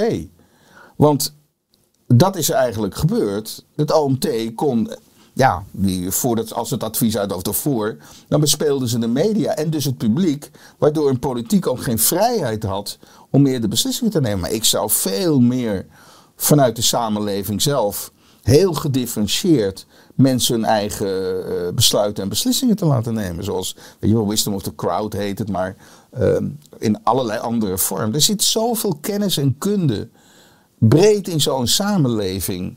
Die moet je proberen zoveel mogelijk te ontsluiten. Door mensen de ruimte te geven binnen bepaalde beperkende, beperkte randvoorwaarden. Mm En daarbinnen mag je doen zoals jij denkt dat je het uh, zo goed mogelijk doet. Ja, als we daarop ingaan, hè, dat iedereen uh, zijn eigen vrijheid heeft om te kiezen. Hè, zeker als je nu kijkt in Nederland naar 3G, maar ook natuurlijk in landen om ons heen of wereldwijd, als het gaat naar 2G of 1G. Uh, jij hebt in april en mei 2021 een dubbele vaccinatie gehad hè, van, ja. van Pfizer. Uh, later in 2021 werd je besmet, uh, waardoor je nu natuurlijke immuniteit hebt. Hè, en, en, veel wetenschappelijke publicaties laten zien dat het veel beter is hè, dan, of langduriger ook is uh, en breder is dan het vaccin. toch zijn we nu weer in een fase dat het heel erg draait om, om booster. Hè, om, om de derde, de vierde wordt ook al voorbereid en de vijfde trouwens. Hoe kijk jij in dat perspectief naar het boosteren? Want ik weet dat jij natuurlijk uitspreekt dat je zelf de booster niet neemt. Nee, ik zou hem, ik, zelfs voordat ik besmet geraakt, zou ik hem niet genomen hebben. Nee, maar ik, mijn, mijn punt, ik ben, toen ik de besluit moest nemen, was ik 73. Nu ben ik 74. En ja, ik heb ook gezondheidssituatie met ook wel wat probleempjes. Nou, ik had in Israël gevolgd hoe goed het daar ging na die vaccinatie rondom het inzakken van eh, ernstig zieken. Dat was gewoon evident dat de oudste het eerste uit de ziekenhuizen verdwenen. En toen ik in april, mei aan de beurt was, toen heb ik wel besloten op basis van mijn eigen afweging om mij te laten vaccineren. Het was bijvoorbeeld zo. Mijn dochter van, ik heb een dochter van 12. Daar waren we, mijn vrouw en ik, zeker over dat we die niet zouden laten vaccineren. Om, eh, samen met haar besloten ook. Maar toen je dochter zes maanden oud was, toen kon ze nog niet mee beslissen. Toen speelde het vaccin van de Mexicaanse griep. Ja, dat was heel interessant. Dat heb toen dat- ook niet gedaan. Nee, maar dat was een grote les al. Ehm, mijn dochter is in mei 2009 geboren. En toen was net de Mexicaanse griep aan de hand. Die- Dat begon in maart 2009. En ook omdat ik dat onderzoek deed van Peil. Heb ik toen de Mexicaanse griep begon. Dat was maart 2009, zei ik net. Heb ik al onderzoek gedaan. Ik dacht, nou, volgend jaar komt weer de griep in Nederland. Laat ik nul metingen doen over griep. En wat ik gedaan heb, die onderzoeken deed ik, maar wat ik ook gedaan heb was, ik ben blijven volgen. En Mijn, ik, eh, een van mijn zoons had in Londen eh, een Australisch vriendinnetje gehad. En had die, eh, die in Londen was hij, had hij de Mexicaanse griep gekregen, omdat het blijkbaar in Australië heerste. En toen ben ik op internet gaan kijken, hoe gaat het nou in Australië met die Mexicaanse griep? En toen bleek op het zuidelijk halfrond, ja, er was wel een griepgolf, maar het was niet ernstig. Dus toen had ik al in september 2009 het gevoel, nou ja, gelukkig, dit wordt niet wat we dachten, een soort Spaanse griep. Nou, toen, maar Nederland had heel veel vaccins gekocht, twee, ik geloof 24 miljoen. Eh, dat was klink. eh, nou, misschien ook wel begrijpelijk met de angst want, eh, die er was eerst. En toen begon in Nederland in, in oktober de griep echt o- op te komen. En toen de Gezondheidsraad begin november riep... ehm, iedereen boven de 60 raden we aan om het vaccin te nemen. En tussen zes maanden en vier jaar. En, en onze dochter werd echt letterlijk vijf dagen, ehm, na, vijf dagen nadat ze jaar, half jaar was, was, kwam ze in aanmerking om gevaccineerd te worden. En toen hebben mijn vrouw en ik besloten, waarom zouden we dat doen? We doen we zouden dat toch ook niet voor griep laten vaccineren? En het is niet meer dan griep. Nou, ik heb toen onderzoek gedaan, want dat is belangrijk, via Pijl ik gevolgd. 73% heeft zijn kind wel laten vaccineren tussen een half jaar en vier jaar. En wat ik gedaan heb in de maanden daarna, ik heb voortdurend gevraagd, heeft u kinderen? Zijn ze gevaccineerd? Dan weet ik dat het 73 was. Maar ik heb ook gevraagd, hebben ze nou klachten gehad? Hoe is dat nou verlopen? Ja, toen bleek mensen die gevaccineerd, kinderen die gevaccineerd waren, mm, eerder vaker wat klachten hadden gehad dan kinderen die niet gevaccineerd waren. En bij volwassenen had ik dat ook gedaan. Ja, dat was voor mij wel een soort wake-up call van, ja, door zelf informatie te verzamelen over een onderwerp waar je eigenlijk ja, mm, redelijk passief in bent. Ja, blijkt de wereld toch iets anders in elkaar te zitten dan je dacht. Dus, over, dus toen ik Israël zag met eh, de Pfizer-vaccin, zag ik echt wel dat het behoorlijke eh, bescherming gaf tegen erg ziek worden. Dat was de keuze van mij in april en mei. Maar wat ik in de maanden daarna zag was dat dat effect afnam. Daarnaast zag ik dat natuurlijke immuniteit eigenlijk een veel betere bescherming gaf. En ik wist ook al beter hoe ik minder erg ziek zou kunnen worden. Ik heb D3 genomen vanaf het begin, eh, met ook zink. En ik heb ook gedacht, ja, als, hoe kan je erg ziek worden als je heel lang in op een plek bent waar je veel virus naar binnen ademt. Want dan wordt de virale dosis hoog en je lichaam in. Dus dat heb ik met, ik was al in oktober 2020 met CO2-meters. Had ik bij op één liet ik de CO2-meter zien. En die heb ik in principe bij me gehouden om te zien, nou, ik wil niet te lang in een ruimte waar het CO2-gehalte te hoog is, waar dus een kans is dat daar virus eh, te lang zweeft. En toen, ehm, ja, toen zaten we dus dat de booster wellicht zou komen. Ik heb zelf in mijn analyses al in augustus gezegd, ja, als we eh, de ouderen eh, minder in de ziekenhuizen willen, dan zou je de ouderen wel weer moeten boosteren. Want het, de, de bescherming die is veel minder geworden. Terwijl zo'n eh, van eh, de jongen, nou ja, dit is gewoon geweldig, de bescherming. We waren ongeveer de laatste die zijn gaan boosteren. Omdat zij steeds riepen, de bescherming is zo goed. Omdat, en waarom riepen ze dat? Omdat ze zoveel mogelijk ongevaccineerden gevaccineerd wilden krijgen. Terwijl het vooral om de ouderen ging. Toen had ik al besloten, omdat ik zag dat de bescherming steeds afnam. Ik dacht, ik ga niet elk half jaar me vaccineren. Dan zal er wel een moment komen dat ik het krijg. En dan moet ik maar zorgen dat ik dat zo goed mogelijk aan kan. Maar ik ga me niet boosteren als het gaat komen. En toen heb ik half november hebben we het gekregen. Heel licht was het eigenlijk. En ik heb recentelijk ook even mijn antistoffen bekeken. Dat ziet er gewoon goed uit. Dat betekent niet dat je Omicron helemaal niet kan krijgen. Maar dan zal het hooguit weer een soort verkoudheid zijn. En ik zie totaal niet de rationale om mij te gaan boosteren. Niet nu, maar dat hoeft niet eens omdat ik in november het heb gehad. Maar ook niet als het over negen maanden eh, niet meer zou gelden. Of over zes maanden niet meer zou gelden. Ja, praktisch. Maar omdat, met, met name omdat Omicron een veel mildere variant is. En het voor velen ja, veel beter is om dan Omicron te krijgen. Dan, ehm, dan je rest van je leven om het half jaar een, een prik te willen krijgen. Ja, praktisch terug hè, op die CO2-meter die je zei. Ik heb eh, op kantoor een CO2-meter, eh, ook in mijn eigen kamer een CO2-meter. In België maken ze natuurlijk veel meer gebruik van CO2-meters. Ik was op Mallorca een paar maanden geleden, viel me op in het uh, restaurantruimtes. nou, heel veel restaurants hebben trouwens CO2-meter daar op de balie staan. als mensen luisteren of kijken, denk ik, daar heb ik al zo vaak wat over gehoord, maar waar kan ik een CO2-meter kopen of, of hoe, hoe, kan ik die interpreteren? Ja, op via Google kan je het zo vinden. En er zijn verschillende soorten. Ik heb zelf een mobiele die wat duurder is. Maar je hebt ook vaste die je neer kan zetten. Die kosten helemaal niet veel geld. Nou, wat is de kern van de CO2-meter? Als je gewoon in de buitenlucht is CO2-gehalte rond de... Dat heet 450 ppm, parts per million. En CO2 is wat we uitademen, maar ook bomen en zo... Uh, uh, uh, verwerken dat weer tot zuurstof enzovoort. Maar dus 400, 450 ppm. Nou, als jij in een binnenruimte bent en het is 450, 500, 600, dan weet je dat er voortdurend frisse lucht is.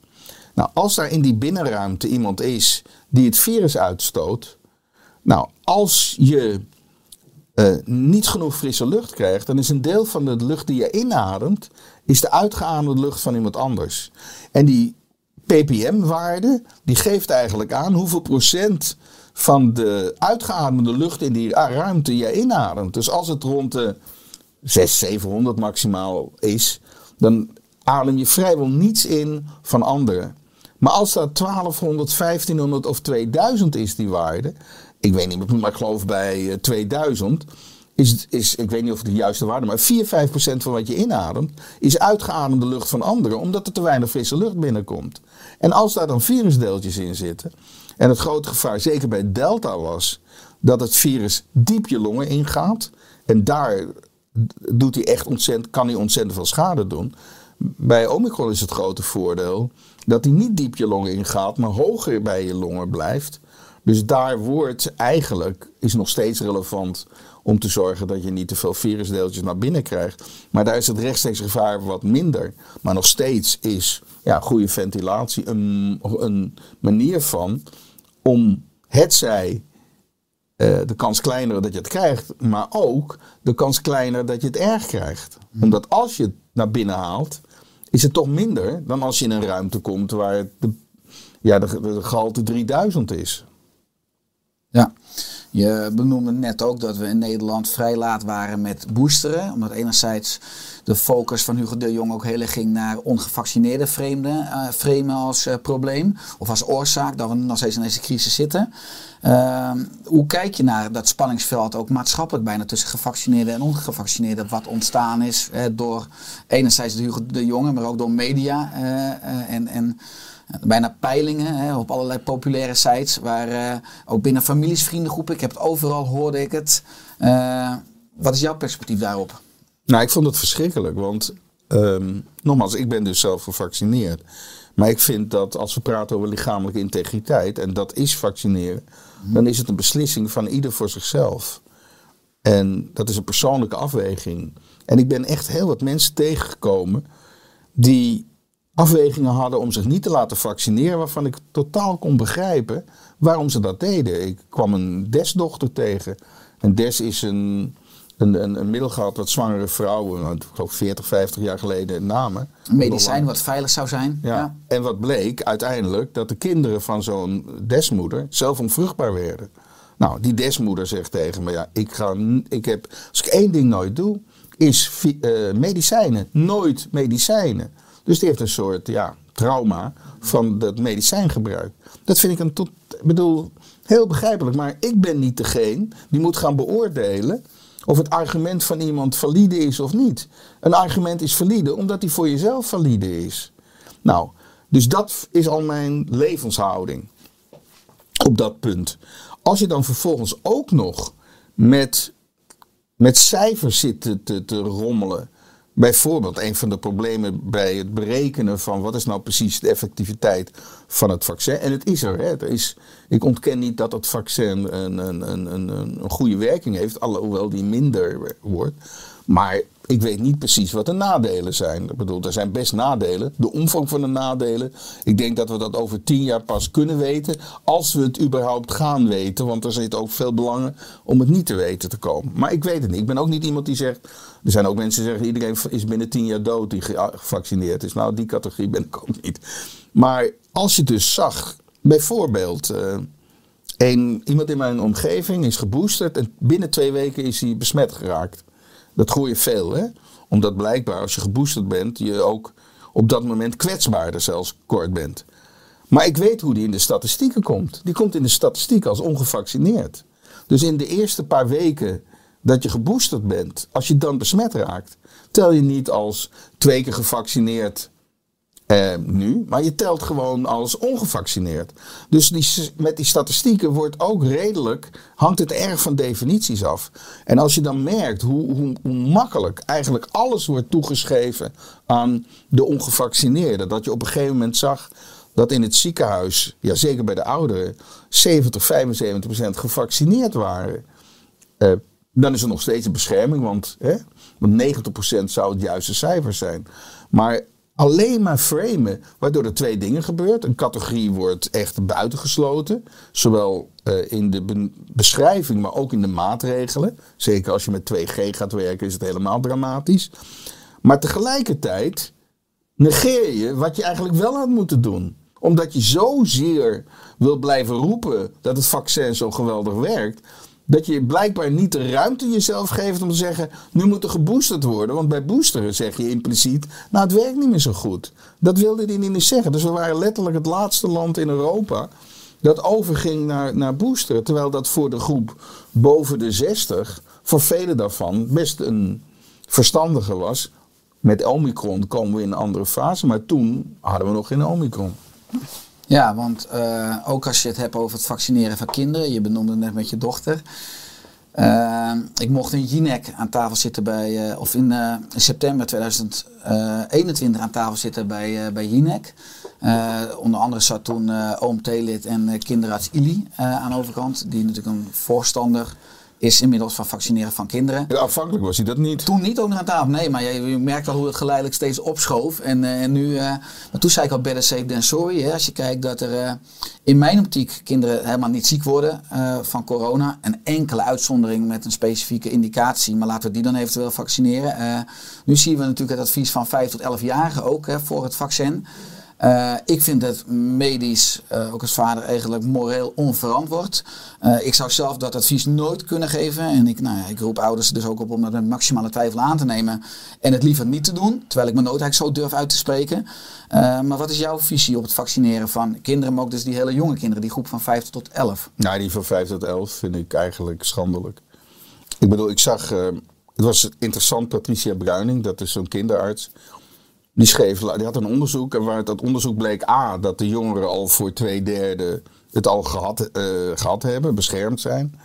Ja, en, en ook de hele argumentatie, je moet het doen omdat je daarmee je opa en je oma beschermt. Het, alleen al dat zeg je impliciet ga je dat kind ook nog een schuldgevoel opgeven. Want als opa en oma wel ziek worden, maakt niet uit. Heb, je, heb jij het gedaan? Dus misschien opa en oma gaat dood. En ben jij degene die de hele leven moet denken van dat is door mij gekomen. Dus er zitten morele eh, zaken aan die ik schandelijk vind. Maar inhoudelijk ook. Ik bedoel, laten we wel wezen met een mRNA-vaccin. En ik heb daarvan veel, ook zo'n professor Schetters gehoord en van anderen. Professor Schetters ook niet, Theo Schetters is ook niet tegen vaccinatie. Integendeel, dat hij is een vaccinatiespecialist. Hij zegt alleen, voor mRNA is er eigenlijk te weinig goed onderzoek uit. Dat onderzoek had langer moeten zijn. En dan hadden we zeker geweten of het zo veilig is als iedereen nu zegt. Of niet iedereen, maar bepaalde groepen zegt. Ja, en dat betekent dat je misschien had moeten zeggen, nou boven de 60, 70, accepteer het net zoals ik het gedaan heb. Omdat ik zelf dacht, nou ja, het kan best nadelen hebben, maar op mijn leeftijd maakt het niet zoveel meer uit. Ik bedoel, ik neem ook medicijnen met bijwerkingen. Ja, dat, dat is voor mij ook een afweging. Ik doe het omdat ik denk, op basis van wat mijn arts zegt, dat dat een verstandige beslissing is. Maar op het moment dat je eigenlijk, met name met mRNA, niet weet wat dat op midden- en lange termijn nou exact gaat betekenen. En je tegelijkertijd weet dat bij jonge kinderen, of bij kinderen überhaupt, want ik, onder 18 vind ik het ook al, dat je, uh, de, de, de kans dat je daar erg ziek van wordt heel klein is. En de kans dat je anderen besmet ook nog steeds kan gebeuren als je gevaccineerd bent. Ja, dan zak je bij mij onder een morele ondergrond, ondergrens door als je roept, uh, ik, je moet ze, uh, ik raad je aan om ze te vaccineren. Mm -hmm. Dat vind ik echt, van alle dingen die er nu gebeurd zijn, vind ik dat het meest stuitende. Maar het erge is, als je op Twitter kijkt, je ziet ook heel veel ouders. Ja, die ook heel bang zijn voor hun kinderen, weet je wel. Die, die zijn zo ook, die angst waar we het net over hadden gehad, hè, dat angst, dat, dat Bergamo-trauma die hebben ook het gevoel dat hun kinderen groot gevaar lopen. Doordat ze ook niet de reële informatie krijgen. Ik heb echt foto's gezien van moeders, met name Amerika, van kinderen van 6, 7. Die dan met mondkapje op, liet, met trots lieten zien dat ze de pleister hier hadden. En dat die moeder daaronder schreef: Eindelijk, mijn kind is veilig. Weet je, alsof het ebola is. En, en dat komt omdat die mensen zo bang zijn gemaakt en dus ja, oude, ja begrijpelijk, moeders en ouders zijn bang voor hun kinderen. En dat is dan zo extreem. Ja, ze, ze, ze, hun hele realiteitszin ontbreekt. En het enige waarvoor dat vaccin dan dient, is voor die mensen een soort valse zekerheid te geven. Placebo-effect, ja. Nou ja, in die zin. Dat had ik nog liever gehad, dat ze met elkaar hadden gezegd: Weet je wat we doen? Zoutoplossing. Uh, we, doen er, uh, we doen het wel, maar eigenlijk doen we er niks in. Mm, ja, eens. Want dan is dat dan, wat je dan zorgt, is dat die ouders het gevoel rust. hebben. Ja, Achteraf gezien was dat wel misschien. Nou, nou ik denk niet dat ze het gedaan hebben. Hopelijk pikken ze het op via deze. Want de officiële instanties die presenteerden eigenlijk één probleem, een virus en ook één oplossing, het vaccin. De nadruk heel erg op veiligheid van buitenaf. Dus uh, afstand houden, mondmaskers, het vaccin. Maar helemaal geen beleid, ook in mijn optiek, op weerbaarheid van binnenuit. Hè. Uh, gevaccineerd of ongevaccineerd is uiteindelijk niet interessant. Het gaat om je metabole gezondheid. En, dat Ja, je, en daar kan je met leefstijl enorm, met voeding, beweging, ontspanning. Maar ook als je het hebt over mindset en vertrouwen, angst. Maar ook samenleving, sociale verbinding. Nou, als we kijken naar die sociale lijm. eh, je bent 50 jaar, ruim 50 jaar ben je voetbalscheidsrechter geweest. Jouw laatste wedstrijd vloot je op 10 oktober 2020. En ook verenigingen, voetbal, maar ook sportverenigingen, allerlei andere verenigingen hebben natuurlijk een cruciale eigenlijk, functie in de maatschappij. Eh, hoe kijk jij naar de sociale lijm, die misschien de laatste twee jaar steeds meer uit elkaar gevallen is, maar hoe kunnen we, steeds meer, hoe kunnen we weer een samenleving worden? Ja, nee, dan heb je een pijnlijk punt even gezegd. Ik heb inderdaad op 10 oktober 2020 mijn laatste wedstrijd gefloten. Vierde klas KNVB. Ik was nog best trots dat ik op 73-jarige leeftijd vierde klas KNVB floot. Inderdaad 50 jaar gefloten en ik vond het zo heerlijk. Eh, ik hou van het spelletje en ik vond het altijd een uitdaging om met 22 man in het veld een, iets leuks van te maken. Waar iedereen achteraf gezien, of je nou wint of verliest, maar blij bent dat ze het spelletje leuk hebben kunnen spelen. En dan was ik een soort enabler om te zorgen dat dat in goede banen ging. Maar niet omdat ik dan blij was dat ik kon, eh, kon besluiten nemen of een kaart uitdelen. Maar dat ik het blij was als de jongens blij waren dat het een leuke wedstrijd was. Het is tweeledig. Hè? Enerzijds heb je het hier over een stukje leiderschap, maar anderzijds moet je het ook hebben over een stukje conditie. Hè? Want je legt ongeveer 11.000 meter in een wedstrijd. Ja, dat- 11 dat- kilometer. Dat was toen ik hoofdklasse floot. Ja. Want ik heb zo'n klokje en dan weet ik, dan loop ik eigenlijk meer dan een gemiddelde speler. Maar ja, als je wat ouder wordt, dan kan je dat ook niet meer opbrengen, fysiek. Maar tegelijkertijd hoef je het ook niet meer zo, omdat je zoveel ehm, ervaring hebt en tegelijkertijd ook overwicht. Dat ook als je wat van grotere afstand fluit, het ook werd geaccepteerd in het spel. Daardoor kon ik op dat niveau blijven fluiten en deed het best nog aardig. Alleen mijn probleem was, en dat wist ik eigenlijk toen dat ik afvloot. Want op 14 oktober van 2020 kwam er weer, werd het dus voetbal gestopt. En ik dacht echt, dit wordt mijn laatste wedstrijd. En dat was wel jammer. Ja, ik heb eigenlijk in dat jaar daarna... Ik had altijd, als ik, doordat ik floot, had ik een soort eh, ja, urgentie om toch, om toch te trainen. Weliswaar trainde ik het ook niet fantastisch. Maar, en ik had een wedstrijd iedere week. Dat is een veiligheidspal. Ja. Ja, en dat, dat routine ging weg. En dan kon ik zeggen, ja, ik, kan, ik ga in de tussentijd. Maar in de tussentijd was ik ook zo bezig met die website. Dus ik heb gewoon, mijn conditie is sterk eh, verzwakt in die tijd. En ja, toen er weer gefloten mocht worden, ja, toen wist ik gewoon. Ik, ik, om de laatste wedstrijd liep ik dan vijf, vijf en een halve kilometer. Maar ja, dat kan ik niet meer opbrengen. Dus ik heb met pijn in mijn hart heb ik dus echt letterlijk moeten stoppen. Dus dat is even dat. Hoe breng je dus eh, weer de samenhang? Nou, in de eerste plaats mensen zijn ook wel in staat als de randvoorwaarden beter zijn om het snel toch weer op te pakken. En ik denk dat er bij veel mensen zoveel behoefte is om het oude weer terug te brengen. Hè, dat is veel van het, of niet letterlijk, maar het gevoel weer terug te krijgen.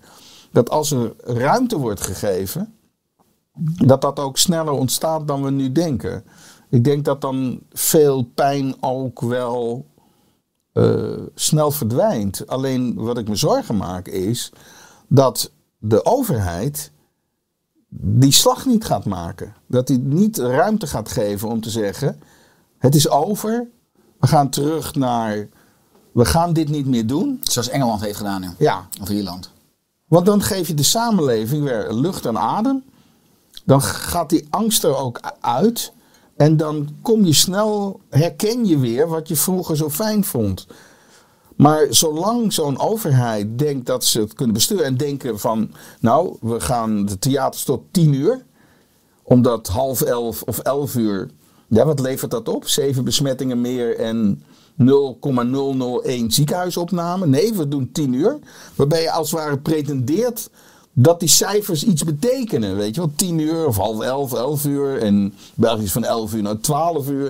Ik bedoel, ja, zolang de overheid het gevoel heeft dat ze het kunnen eh, op een of andere manier besturen, heeft de samenleving niet de ruimte om het weer het gevoel terug te pakken. Ehm, eh, en, maar ik heb wel de hoop dat de combinatie Omicron, de combinatie met dat er landen zijn die wel alles vrij, Ierland, hè, die heeft het nu ook net gedaan en die was veel strenger dan Engeland, die heeft het ook vrijgegeven. En het feit dat we ook naar de lente en de zomer dan gaan, dat dan misschien die, die adem wordt wel gegeven, dat adem, maar waar ik me erg zorgen om maak, als je momenteel nou in Europa kijkt, dan heb je dus, laat ik zeggen, Engeland, Ierland, nu Schotland. Maar aan de andere kant heb je Duitsland, Oostenrijk en Italië. Ik hoor geluiden uit Italië. Nou, van mensen die daar wonen. Daar hebben ze dus vaccinatieplicht boven de 55. Als je dat niet doet, eh, iedereen die gepensioneerd is, die krijgt van de overheid geld. Dat wordt gewoon afgetrokken. Als jij niet eh, laat vaccineren, dan krijg je minder pensioen. Het is 2G eh, is daar in principe overal. Dus ook daar word je. En dan is het echt zo. Maar ik weet niet of dat het land was, maar anders dat je gewoon eigenlijk Oostenrijk of zoiets. Maar het kan ook Australië zijn, dat je gewoon thuis moet blijven zitten. Want anders kan je eigenlijk bijna. Je, kan bijna ook niet, je mag ook niet eens meer boodschappen doen. In een van die landen. Nou, en dan, ja, als je dat soort dingen ziet, dan vraag je af. Ja, ik, ik, of gaan wij nu uiteindelijk de, de Duitse kant of de Engelse kant op? En ik denk dat de komende 1, 2 maanden daar heel bepalend in zullen zijn. Als ik bijvoorbeeld de Duitse minister zie van, gezond, van, eh, de, die, nieuwe, van die nieuwe regering. en ik hoor, die, ik hoor zijn woorden, dan maak ik me daar ook erg zorgen over. Aan de andere kant, bijvoorbeeld in Beieren, omdat al die 16 landen hebben veel meer vrijheid weet je wel, dan in Nederland de provincies. In Beieren beginnen hebben ze zich er wel aan ontworsteld. Dus, dus het, het zal een hele grote eh, ehm, spanning geven tussen de vrijheid, laat ik zeggen de Engelse-Ierse kant op, of de Duits-Oostenrijks-Italiaanse kant op.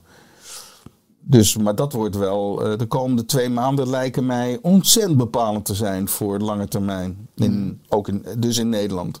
Ja. Hoe ik ernaar kijk om een samenleving te worden, mogen we veel minder angst hebben. Want ik las vanmorgen een artikel op het AD, dan over vanavond over de persconferentie, waar altijd natuurlijk dingen gelekt worden. En dan staat er, ik bedoel, het is allemaal angsttaalgebruik. Er staat er waarschijnlijk gaan het aantal ziekenhuisopnames toenemen, comma, vreest het OMT. En dan onderaan, hè, we moeten vooral niet te optimistisch zijn, want we kunnen over drie weken zomaar weer eens in een slechte film zitten. Nou, dat soort taalgebruik is natuurlijk continu vanuit angst en de rem erop. Terwijl we ook veel meer nu optimistisch kunnen zijn over de Omicron-variant, over het vertrouwen in ons immuunsysteem, in de vaccinatie voor degene die hem genomen heeft, in elkaar als samenleving en als samenleving hier ook uitkomen. Dus in die zin moeten we ook de, de angsttrossen uh, steeds meer laten vallen. Maar die worden continu aangeslingerd, nog vanuit OMT en vanuit de media. Ja, maar dat is wat, uh, wat Matthias de Smet ook zei. Uh, ja, als je de angstknop indrukt, dan heb je macht. Mm -hmm. Door die angstknop in te drukken, hebben ze macht over de mensen die angstig zijn. En, die, en zolang je niet de ruimte geeft aan die angstige mensen om zich aan die angst te ontworstelen en jij maar met regelmaat die angstknop blijven indrukken, heb je de macht over die mensen. Alleen dat wordt het belangrijke kantelmoment, hopelijk. Dat als ondertussen de cijfers in de ziekenhuizen, uh, en zeker op de IC's, zich gunstig ontwikkelen. En dat ziet er naar uit, ja. Uh, dan moeten ze wel even een onderscheid maken tussen mensen die met corona of door corona in het ziekenhuizen zijn. Want ik heb bijvoorbeeld, ik las gisteren in het parool dat bij het AMC, uh, VU, uh, VUMC, dat ze 44% van de opnames zijn uh, met corona, niet door. Dus ja. mensen die iets anders hadden. Vooral bij de jongeren ook, ja. Ja. Alhoewel zij zeiden, die geven we ook niet door als door corona. Maar er stond ook in het artikel, in de meeste andere ziekenhuizen weten ze dat verschil niet. Nou, je ziet op dit moment een duidelijke toename van de groep uh, onder de 30 in de ziekenhuisopnames. Die is nu de grootste groep van alle leeftijdsgroepen. Alleen, ik heb een sommetje gemaakt. Ik ben gekeken in 2019 hoeveel ziekenhuisopnames er zijn in Nederland. 3 miljoen hè, per jaar.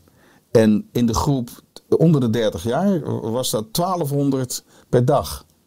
Dus mijn punt was, als er nou 1200 per dag zijn en die worden ge ge gecheckt op, uh, op, op corona en 2% heeft corona, dan heb je al 24 mensen per dag die positief zijn. En als die gewoon in het systeem komen, dan snap ik ook waarom die lijn zo omhoog gaat. Maar wat je dan weer leest van mensen, moet je kijken. Nou, dat, dat, zie je toch ook, dus de jongeren worden er erg ziek van.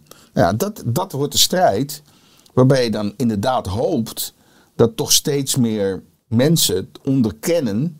Maar ik denk vooral omdat ze in een omgeving horen uh, van mensen die het hebben gehad en die zeggen, ja, het viel allemaal mee. En zelf dat ze het ook krijgen. Mm -hmm. Dat er toch een collectieve slag de andere kant op komt. Mm -hmm. Maar het gaat toch weer enerzijds om beeldvorming, maar anderzijds ook gewoon om de juiste data. En dan, dan ben jij om de juiste data bij elkaar te krijgen qua inclusie, exclusie criteria, maar ook juist te interpreteren. En ook een stukje context te weten. Want een datum of data op zich is natuurlijk een stukje tekst, uh, maar het is afhankelijk van de context. Ja, maar dat is inderdaad wat, wat me opvalt. Als je bijvoorbeeld de afgelopen week keek naar de ziekenhuisopnames, en de ziekenhuisbezetting met name, dan zag je dat op maandag het altijd steeg. En waarom steeg het? Omdat op zondag en zaterdag blijkbaar minder patiënten worden ontslagen. Dus dan neemt die bezetting toe. Maar in de rest van de week neemt het steeds weer af. Dus dan had je een week waar in totaal 200 mensen minder de ziekenhuizen lagen. Maar op maandag waren er 50 bijgekomen. En dan schreef bijvoorbeeld de Telegraaf toen. Um, voor het eerst is er weer een toename in de ziekenhuisopnames. Ja, dat was de derde keer op maandag dat er een toename was. De andere dagen niet. Maar dus wordt er voortdurend niet de relativering aangebracht. Uh, maar wordt gewoon de, de uitzondering gepakt. En dan met name de negatieve uitzonderingen, nou ja, dat, dat vind ik echt. eh, ja, dat is een soort structurele manier van aanpak. Waar ze voortdurend indirect of direct mensen in die angstmode houden. Ja. Is er aan het einde van de podcast nog iets wat je graag wilt toevoegen of aanvullen? We hebben al zoveel eh, besproken. Nou, ik vind het gewoon heel interessant wat jij doet. Ik, eh, ik bedoel, een beetje, je was een beetje buiten mijn blikveld, maar toen je me benaderde heb ik dat bekeken. En ik denk dat, eh, ja, de, de, de, insteek die jij hebt, eh, nou, respect voor hoe je dat allemaal hebt opgebouwd vanuit niets. Toch een soort klein imperium geworden. Maar dat betekent dat je ook op, ja, precies het goede pakt. En waarschijnlijk ook voor de golf uit. Want in het begin zal het ook wel een eenzame strijd zijn geweest. Eh, en dat, volgens mij zit daar gewoon de kern in. Ik bedoel, gezondheid is niet iets van ik ben. Als ik niet goed ben, dan moet ik geholpen worden door een dokter met medicijnen. Nee, dat is, als het helemaal misgaat, is dat ook geweldig. Wat we allemaal eh, medisch kunnen, is fantastisch vergeleken met 50 of 100 jaar geleden. Maar daarvoor zit zoveel wat je zelf kan doen. Om zowel fysiek als mentaal gezond te blijven. Waardoor je ja, veel sterker bent als je toch iets overkomt. Ja, in mijn, in mijn leven is dat helaas zowel met mijn vrouw als met mijn zoon gebeurd. Met kanker en zo. Maar ja, je kan ontzettend veel doen om in ieder geval in de tijd ja, dat je niet heel erg ziek wordt. Om, om je zo sterk mogelijk te maken, zowel fysiek als mentaal. Dus ik vind het echt heel geweldig wat jij doet. Dankjewel. Ik zeg altijd, ja, het leven is niet maakbaar, maar wel stuurbaar. En de meeste mensen die zitten op de eigen achterbank hè, van hun eigen, omdat ze niet met twee handen dat stuur kunnen vastpakken, omdat ze niet de juiste kennis hebben, niet de juiste vaardigheden hebben. Die worden ook niet getraind als kind. Maar ook omdat we vanuit de officiële instanties helaas niet de juiste informatie krijgen om ervoor te zorgen dat de volksgezondheid radicaal beter wordt. En ik denk dat jij echt een pionier bent, ook hoe mensen je zien op het gebied van ventilatie. Ik ben ik meer een pionier op het gebied van vitaliteit. Maar laten we hopen ook over 10, 20 jaar dat ze zeggen, die kans is groot. Nou, die Maurice en die Richard, die waren zo gek nog niet. Hè? Maar we lopen misschien een beetje voor de kudde uit. Ja, dan wordt dit een historische podcast. Ja, laten we het hopen. Waar kunnen mensen meer informatie vinden over jou, over je artikelen? Nou, Maurice.nl eh, kunnen ze veel vinden. Eh, en ja, als mensen e-mails naar me willen sturen, kan dat ook. Eh, op mijn website staan allemaal contactmogelijkheden. Ik krijg zoveel mails dat er inderdaad mensen tussen zitten. Maar de, de, belangrijke, de, de, de belangrijke worden naar mij doorgestuurd. En geef ik ook persoonlijk antwoord. Mooi. Zou zomaar eens een piek kunnen komen na deze podcast. Maurice, ik wil je nogmaals danken voor je fantastische missie, je fantastische werk. Eh, Dank je. ik, eh, ik eh, geniet al twee jaar van je artikelen. Het geeft me ook rust, het geeft me een houvast, het geeft me perspectief. Het geeft me ook een wetenschappelijk baken, hè, want daar hou je ook van, van wetenschap en van data. Dus eh, ook in mijn leven ben je afgelopen twee jaar enorm belangrijk. Je stond al lang op mijn veel lang lijstje van de Hoofdstuk podcast. En nou, eindelijk zit je in deze stoel, dus dat maakt mij ook een dankbaar mens. En ga door met je mooie missie en je mooie werk. En dat we samen nog maar mogen zorgen voor eh, het verbeteren van de volksgezondheid. Maar ook hopelijk heel snel een deltaplan ventilatie en een deltaplan eh, vitaliteit. Dankjewel. Graag gedaan. Alle goeds.